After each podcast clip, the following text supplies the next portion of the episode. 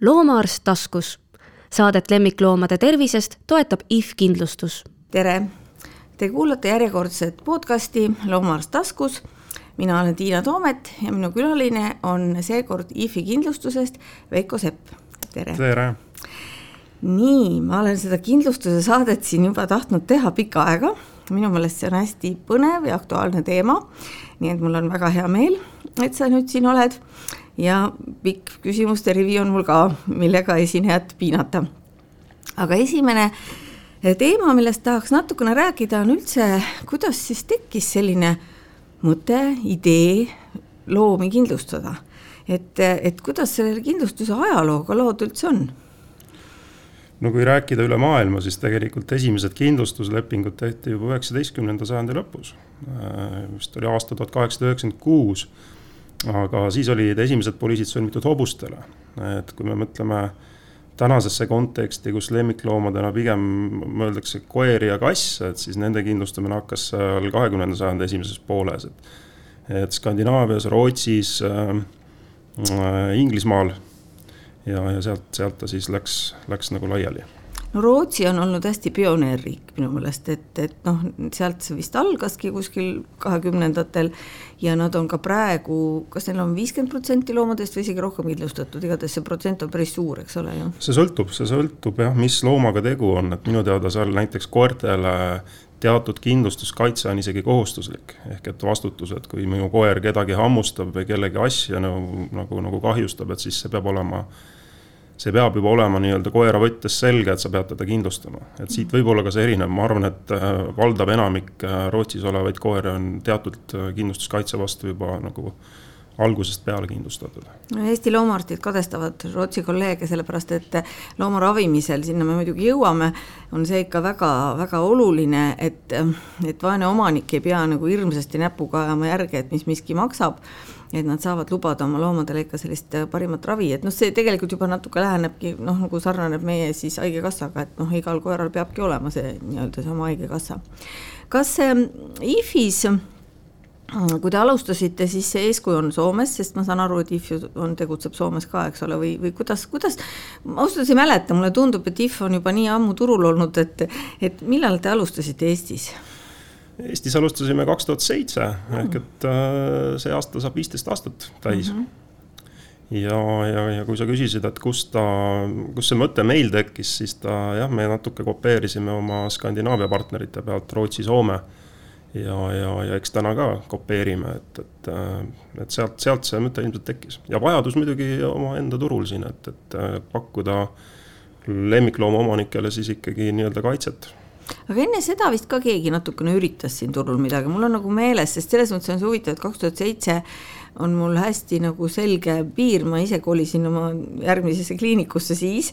ja kui ma mõtlen, et seal vanas kliinikus, mis siis pidi olema enne kaht tuhat seitset, et ma nagu mäletan ka, et ma olen mingeid kindlustuspabereid täitnud, aga, aga ma küll ei mäleta, kes need, mis firmad need võisid olla või mis tingimustel. jah, eks, eks aja jooksul on siin eh, erinevaid seltse püüdnud, tahtnud eh, lemmiklooma kindlustada, eks täna ka mõned konkurendid siin teatud juhtudel kindlustavad, aga võib-olla nad seovad selle mingi teise kindlustustootega et me täna IFis oleme ikkagi ainus, kes pakub sellist äh, noh, nimetame siis puhtatõulist loomakindlustust, et, äh, et, et aga jah meie ajalugu on seal kusagil viisteist aastat tagasi. ja ei, seda ma hästi mäletan, et ka just selle, et siis, kui me sinna uude kliinikusse läksime, esiteks meil oli palju tööd ja teiseks, et hakkas tulema rohkem loomi, kellel oli kindlustus. ja siis ma mäletan, et olid ka loomaomanikud väga rahul sellega. ma ei tea, kas midagi on muutunud aga noh, eks iga asjaga on, on plussid ja miinused, aga nendest ka muidugi veel räägime. et ähm, ilmselt ikkagi huvi kasvab, eks ole ju, et ja huvi on äh, viimaste aastate jooksul nagu väga märkimisväärselt kasvanud, et äh, ma isegi ütleks, et äh, kui siin kaks aastat tagasi koroonaaeg hakkas, et, et siis ta nagu meie andmete kohaselt plahvatuslikult kasvas tegelikult et äh, võeti rohkem lemmikloomi. jaa, seda ma märkasin uuriti rohkem kindlustuse kohta ja, ja, ja eks sealt, sealt see asi nagu sellise hüppe sai, on ju, et, et mm -hmm. inimesed ju rohkem olid kodus, on ju ja siin koroona aegluses, alguses olid ju nali, et sa pääsed õue ainult siis, kui saad korraga nagu pissile minna, et et noh, no et naljaga pooleks võis ka see natukene mõjutada. no meil nii hulluks ei läinud, aga mujal riikides paljudes kohtades oligi nii, et ju laenati lemmikloomi, Eestis ikkagi sai muidu ka jalutada.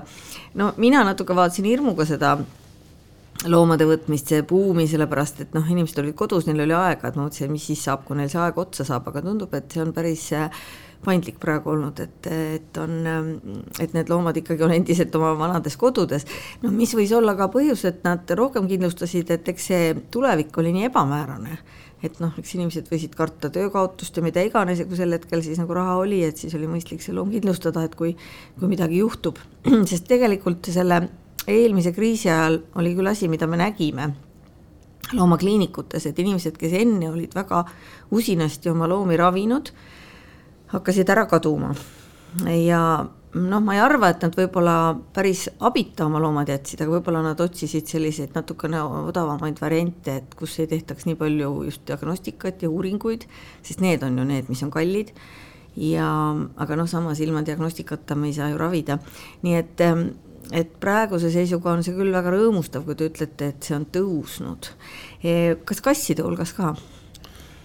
Ma arvan küll jah, et äh, eks me oleme, kuna me kindlustame ainult kasse ja koeri, et mm, -hmm. et mhm. siis sellisel, ma arvan, see statistika näitab mõlema, mõlema looma nagu kindlustuse kasvu. noh, eriti koertel muidugi mm, -hmm. et, et äh, meie portfellis kindlasti on nagu valdav enamik ikkagi koerad mm. -hmm. ja, ja võib-olla inimese selline teadlikkus, et, et noh, kass äkki see ei vajagi nii palju ravi. ja, ja ja, ja seetõttu võib-olla ütleme, protsent kassiomanikest kindlustab vähem kui koeraomanikest, et äh, et, et aga jaa, mõlemad on kasvanud küll. kassist on palju raskem aru saada, mis tal viga on, nii et kassi diagnostikale kulub minu meelest palju rohkem raha kui koera omale.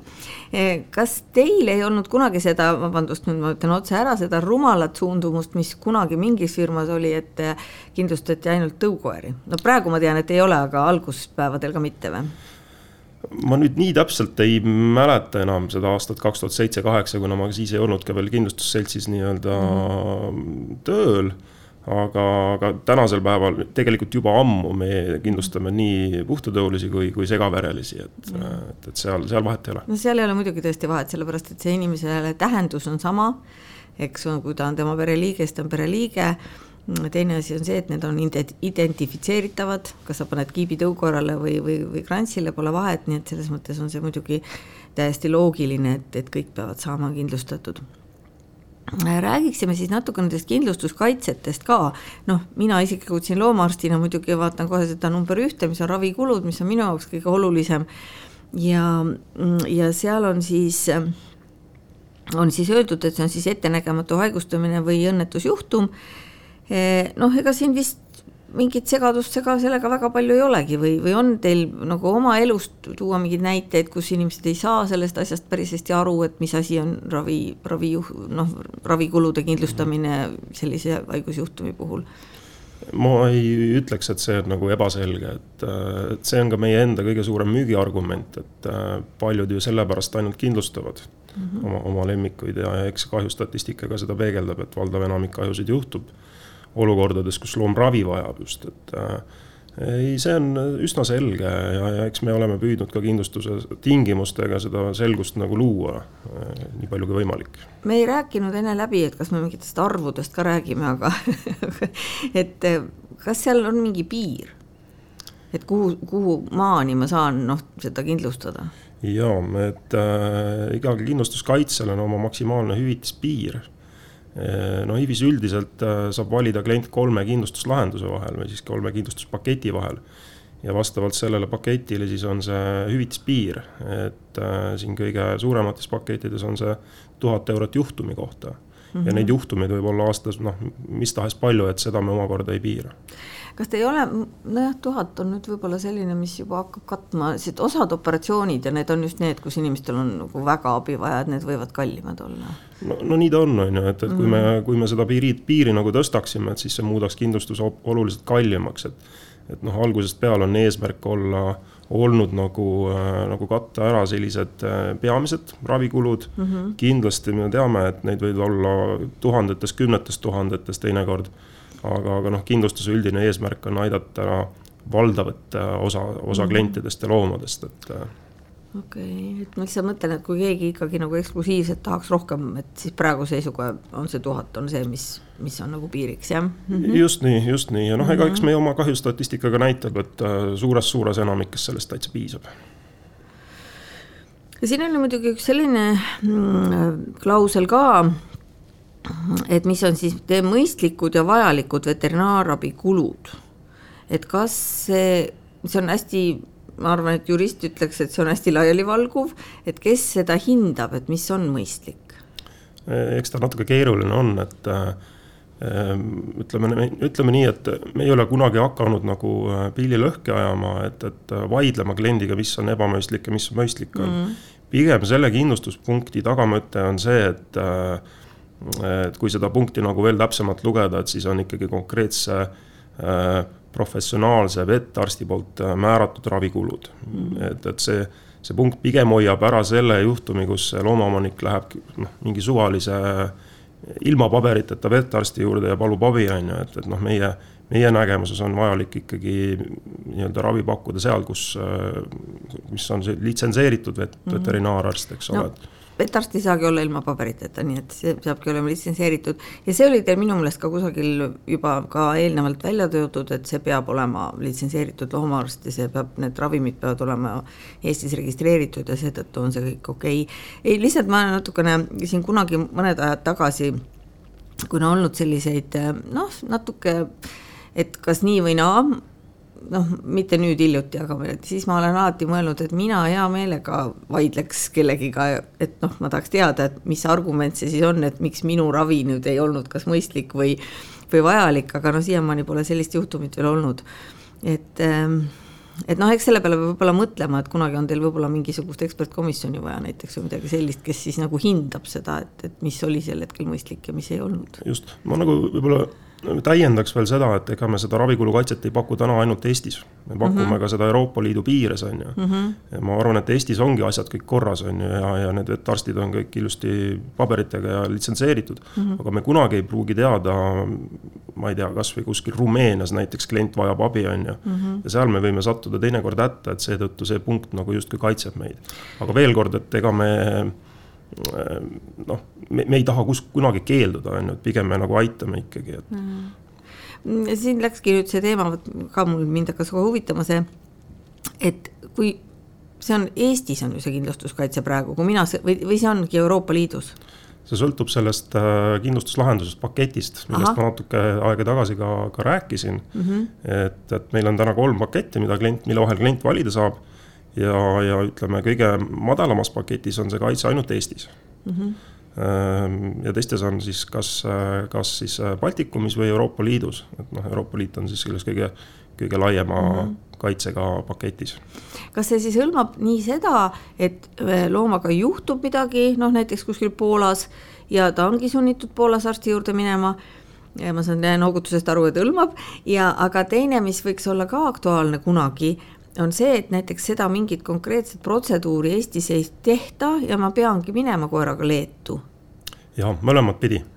mõlemat pidi, et kui on mingi selline seda, sedalaadi operatsioon, mida tõesti Eestis üheski kliinikus ei tehta mm, -hmm. tehakse näiteks Soomes mm, -hmm. et meil on endal olnud ajaloos ka neid juhtumeid. et, et noh, siis see laiendus omal ajal saigi tehtud seetõttu, et, et esiteks pakkuda ravi kui midagi, mingi õnnetus peaks kuskil mujal juhtuma mm, -hmm. aga, aga ka nendel juhtudel, kus Eestis seda ravi teha ei ole võimalik. aa, see on küll väga hea, see on tõesti väga-väga-väga hea, nii et pange kõik kõrva taha, kes vähegi reisivad oma loomadega või, või kes muretseb, et ta peaks äh, saama ravi väljaspool Eestit, et siis ilmselt on mõistlik kindlasti see pakett võtta ehm, no ma arvan, et praeguses seisus nende ravikuludega on suhteliselt äh, meil räägitud, et me kindlasti tahaksime tulevikus teha ühe saate veel, kus räägiksime just sellest ravist natuke täpsemalt, aga siis võib-olla võiks seal mõni kahjukäsitleja olla, kellel on konkreetseid näiteid ja ja ma hea meelega kutsuks võib-olla ka mõne oma kolleegi siia, kellel on äh, kellel on siis äh, võib-olla ka rohkem äh, kogemusi nende konkreetsete juhtumitega, kus ta on siis äh, kindlustusele pidanud aitama neid avaldusi teha.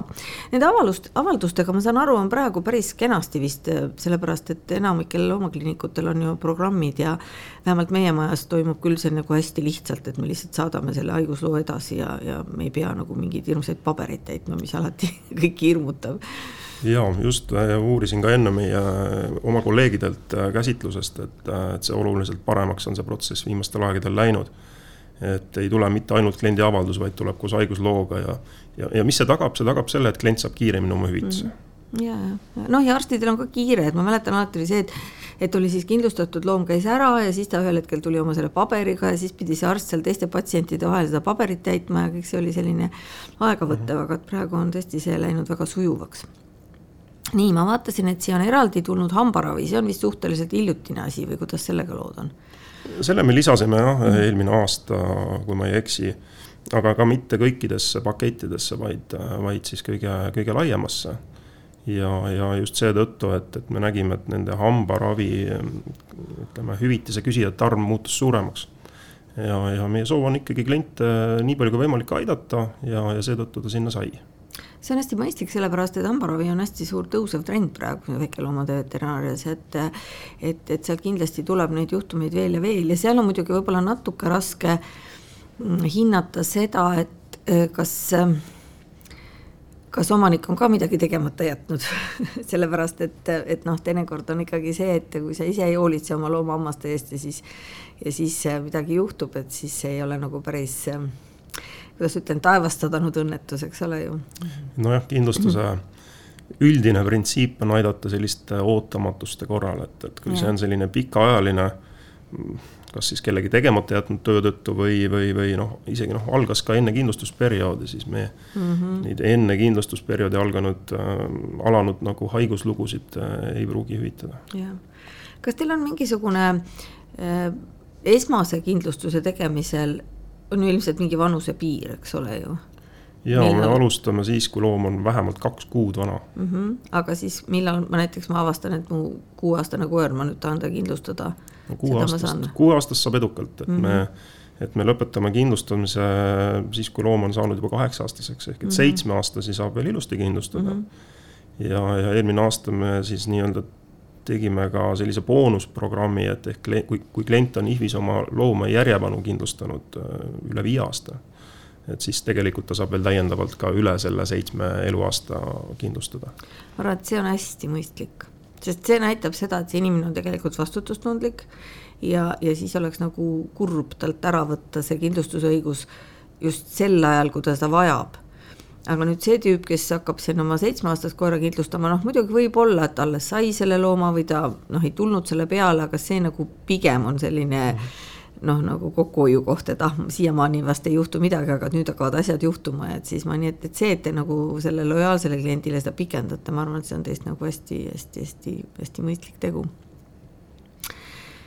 kuidas seda hukkumist äh, nagu fikseeritakse, kas ta on loomaarsti juurde poolt siis nagu magama pandud või või kui ta on, ma ei tea, auto alla jäänud või kuidas, kuidas, kuidas te seal seda käsitlete, seda juhtumit? jah, ikkagi, ikkagi vetarsti poolt äh, kinnitatud, et äh, ja, ja, ja noh, hukkumine saab olla kas siis tõesti mingi õnnetusjuhtumi tagajärjel mm, -hmm. noh näiteks auto, auto alla jäämine mm. -hmm. või ka mingisuguse haiguse tagajärjel mm. -hmm. nii et, et mõlemad juhtumid on meil kaetud, võib-olla üks nüanss, mis äh, mis käib nii selle hukkumise kindlustusjuhtumi kui ka varasemalt räägitud ravikulude juhtu, juhtumite kohta, on see, et see kaitse ei kehti kahe esimese nädala jooksul peale poliisi ostmist see on no, see, see, see on, see on nagu selles mõttes nagu ooteaeg mm. -hmm. ehk et, äh, et, et noh, see tagab selle, et, et seda kindlustus ei, ei, kindlustust ei kuritarvitata. ja, ja see on olnud meil algusest peale tänaseks juba ma noh, viisteist aastat, et äh, ja, ja tõenäoliselt see on hoidnud ära sellise pahatahtliku kliendi, kliendi nii-öelda kindlustamise ja, ja seeläbi tõenäoliselt on hoidnud ka neid kindlustusmakseid mõistlikus äh, nii-öelda kohas ei noh, see on nagu loogiline, et sa ei saa teha nii, et sa täna kindlustad ja siis homme midagi juhtub, sest noh, see on, seal on ju väga see petmise võimalus väga suur. aga eks selle hukkumise juures ka noh, ma jälle muidugi ma eeldan, et inimesed on toredad ja head, aga aga kas ei või olla mingit sellist asja, et et kasutataksegi, no eriti kui sa vaatame seda järgmist, vargus või kadumine.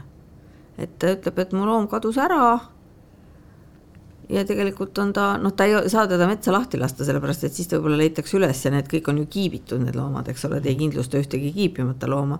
aga ütleme tõesti on selline jõhkard, et, et lööb maha ja matab metsa maha ja võtab kadumise raha, siis paneb taskusse ega selliste petturite vastu kindlustuses üldiselt noh, seda esineb ikka mm. -hmm. et seda pahatahtlikkust ja, ja siis nii-öelda pettuse, pettuse momenti. aga meie praktikas seda väga olnud ei ole ja mis puudutab kadumist, siis tegelikult on seal nii-öelda meie tingimuste kohaselt ka jällegi ooteaeg ehk et me ei, me ei maksa seda kadumishüvitist välja mitte siis, ma ei tea, järgmisel päeval peale avalduse tegemist, vaid et lausa, lausa üheksakümne päeva pärast alles mm. -hmm. ehk et, et see peab, see peab olema ikkagi ka nii-öelda noh, pikaajaline kadumine, kui nii, kui nii väljendada. on teil, ma ei tea, on teil neid kadumise juhtumeid olnud ka või te harva, ei tea? harva, harva. ma arvan ka, et see vist ei ole väga nagu selline teema mm. -hmm. ja sinna juurde siis, et nad saavad kuulutada ja maksta leiutasu, et see käib selle kadumise juurde, eks ole ju. just mm -hmm..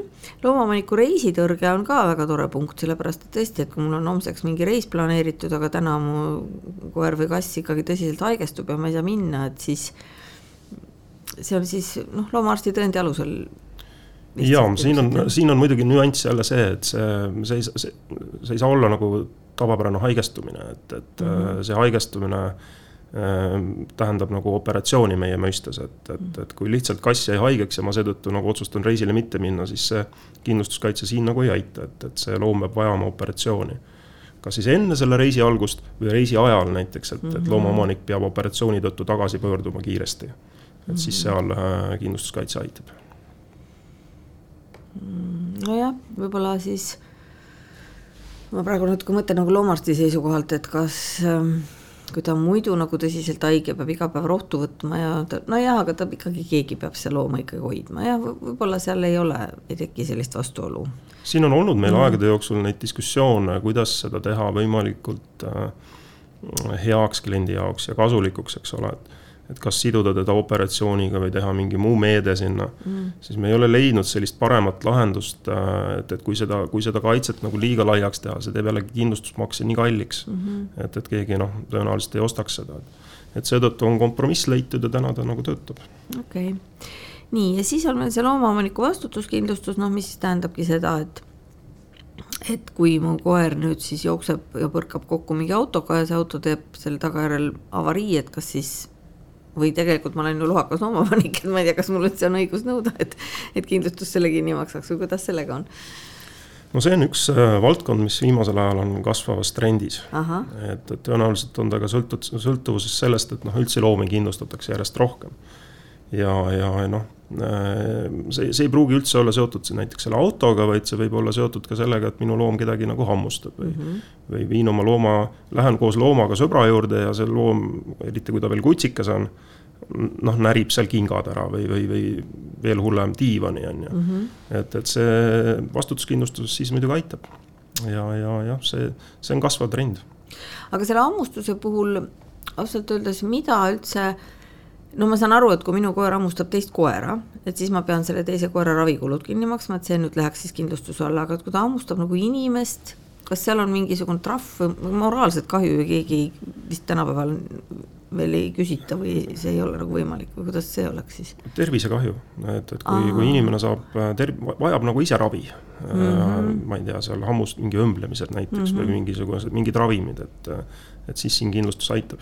või siis näiteks on mingisugune töövõimetus, sest et minu ema kunagi sai hammustada, läks oma koera päästma kahe ilukoera käest ja tal oli sõrme otsast praktiliselt tükk läinud.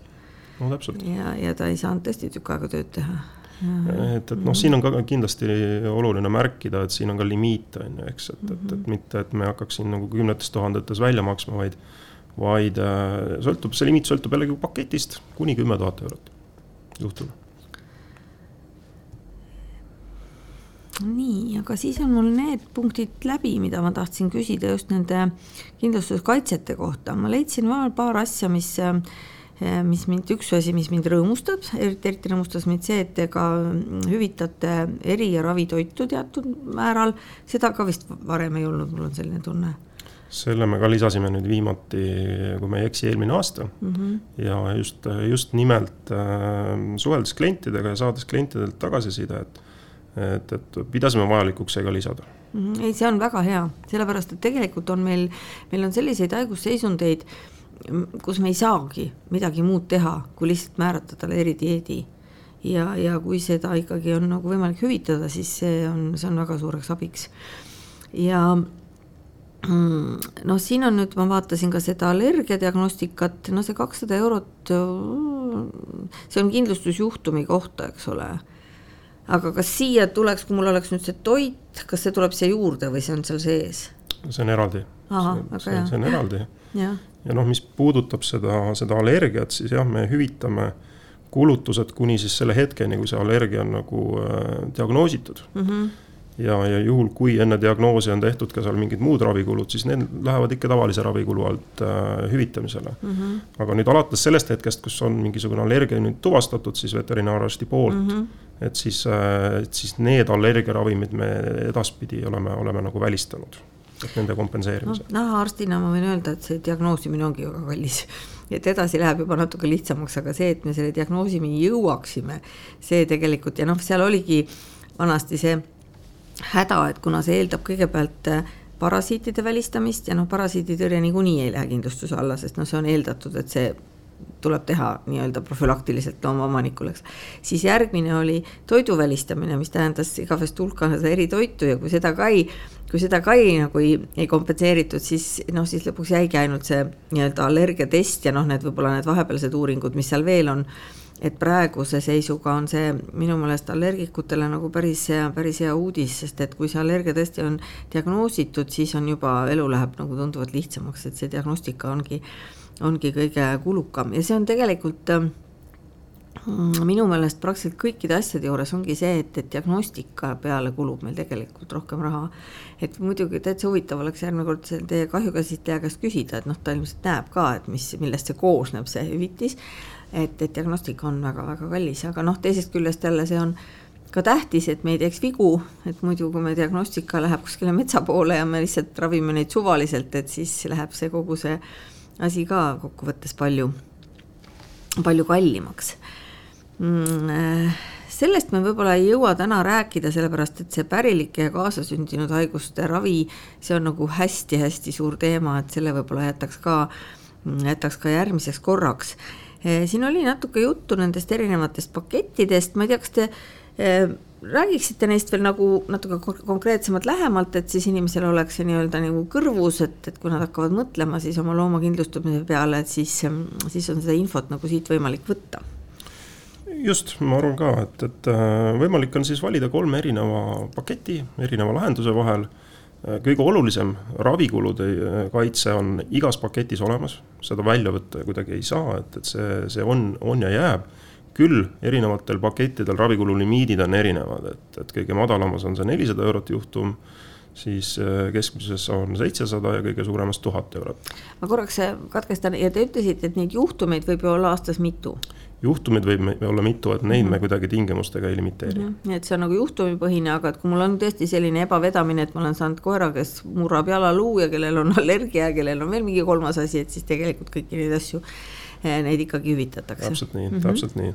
ja noh, teine kõige suurem erinevus pakettide vahel on just see, kus see kaitse kehtib. et enne oli ka natukene juttu sellest juba, aga siis kordaks veel kord üle, et et kõige, kõige siis väiksemas paketis on see ainult Eestis keskmises paketis on Baltikum ja siis kõige, kõige suuremas paketis terve Euroopa Liit.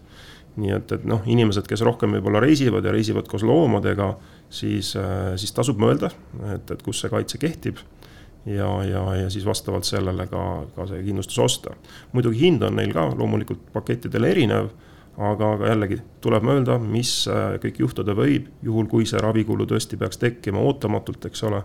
see võib teinekord päris kallis olla ja siis see äh, viisteist eurot kuus maksta kindlustuse eest võib-olla tundub, tundub nagu mõistlik tegevus olevat ja viimane oli siis see, mis kehtis siis äh, üle Euroopa Liidu, pluss siis ka see, et ma saan oma looma siis ka viia ravile, juhul kui Eesti arstid on kinnitanud, et siin seda ravi teha ei ole võimalik, et siis on teda võimalik saata ka kuskile mujale.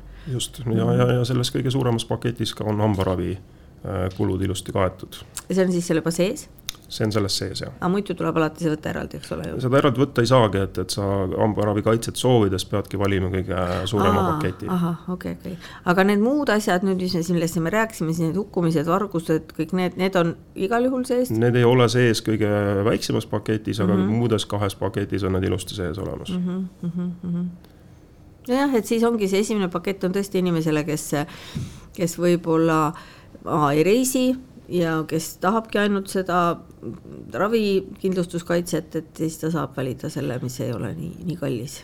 Saab valida, aga mis meie nagu kogemus on näitanud, et, et seda paketti millegipärast kipuvad valima kassiomanikud, arvates siis, et noh, mis seal kassiga ikka juhtub peale, peale selle, et ravi vajab aga teinekord äh, võib, võib olla täiesti vastupidi, on ju, et, et äh, noh, ärge, ärge jumala pärast siis ainult selle pealt vaadake, et kass, et see vajab ainult nagu ravi, et et ei, ta ei hammusta kedagi või et kassi pärast ma reisile minemata ei jäta. No kassi poolt äh, tekitatud kriipimis- ja hammustamise haavad võivad olla kordades hullemad kui see, mida koer suudab korda saata, nii et jah, selles mõttes on, on mõistlik mõelda ikka selle loomaomaniku vastutuskindlustuse peale ka kassi puhul. Ehm, ma olen väga rahul, ütleme niimoodi loomaarstina.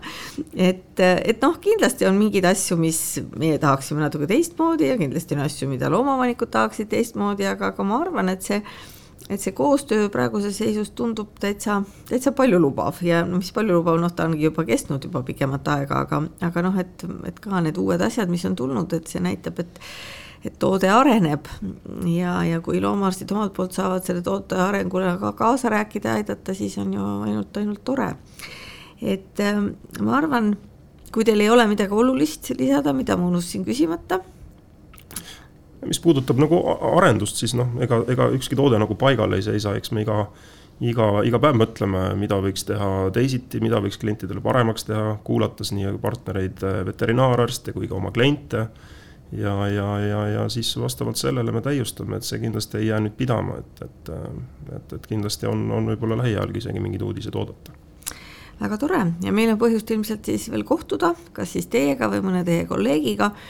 Ehm, me anname kindlasti teada, et te saaksite kuulajate poolt saata meile küsimusi, sellepärast et ma arvan, et kindlustusega seoses küsimusi on palju ja siis me saame neid juba, juba arutada siin saates mitte küll järgmises saates, sest siis tuleb meile külla doktor Ranno Viitmaa, see ongi üks kõige kallimaid operatsioone tegev loomaarst ja räägib meile neuroloogilistest haigustest, aga kindlustusega kindlasti kusagil mai või juunikuus me üritame juttu jätkata. aitäh! aitäh! loomaarst taskus. Saadet lemmikloomade tervisest toetab IF kindlustus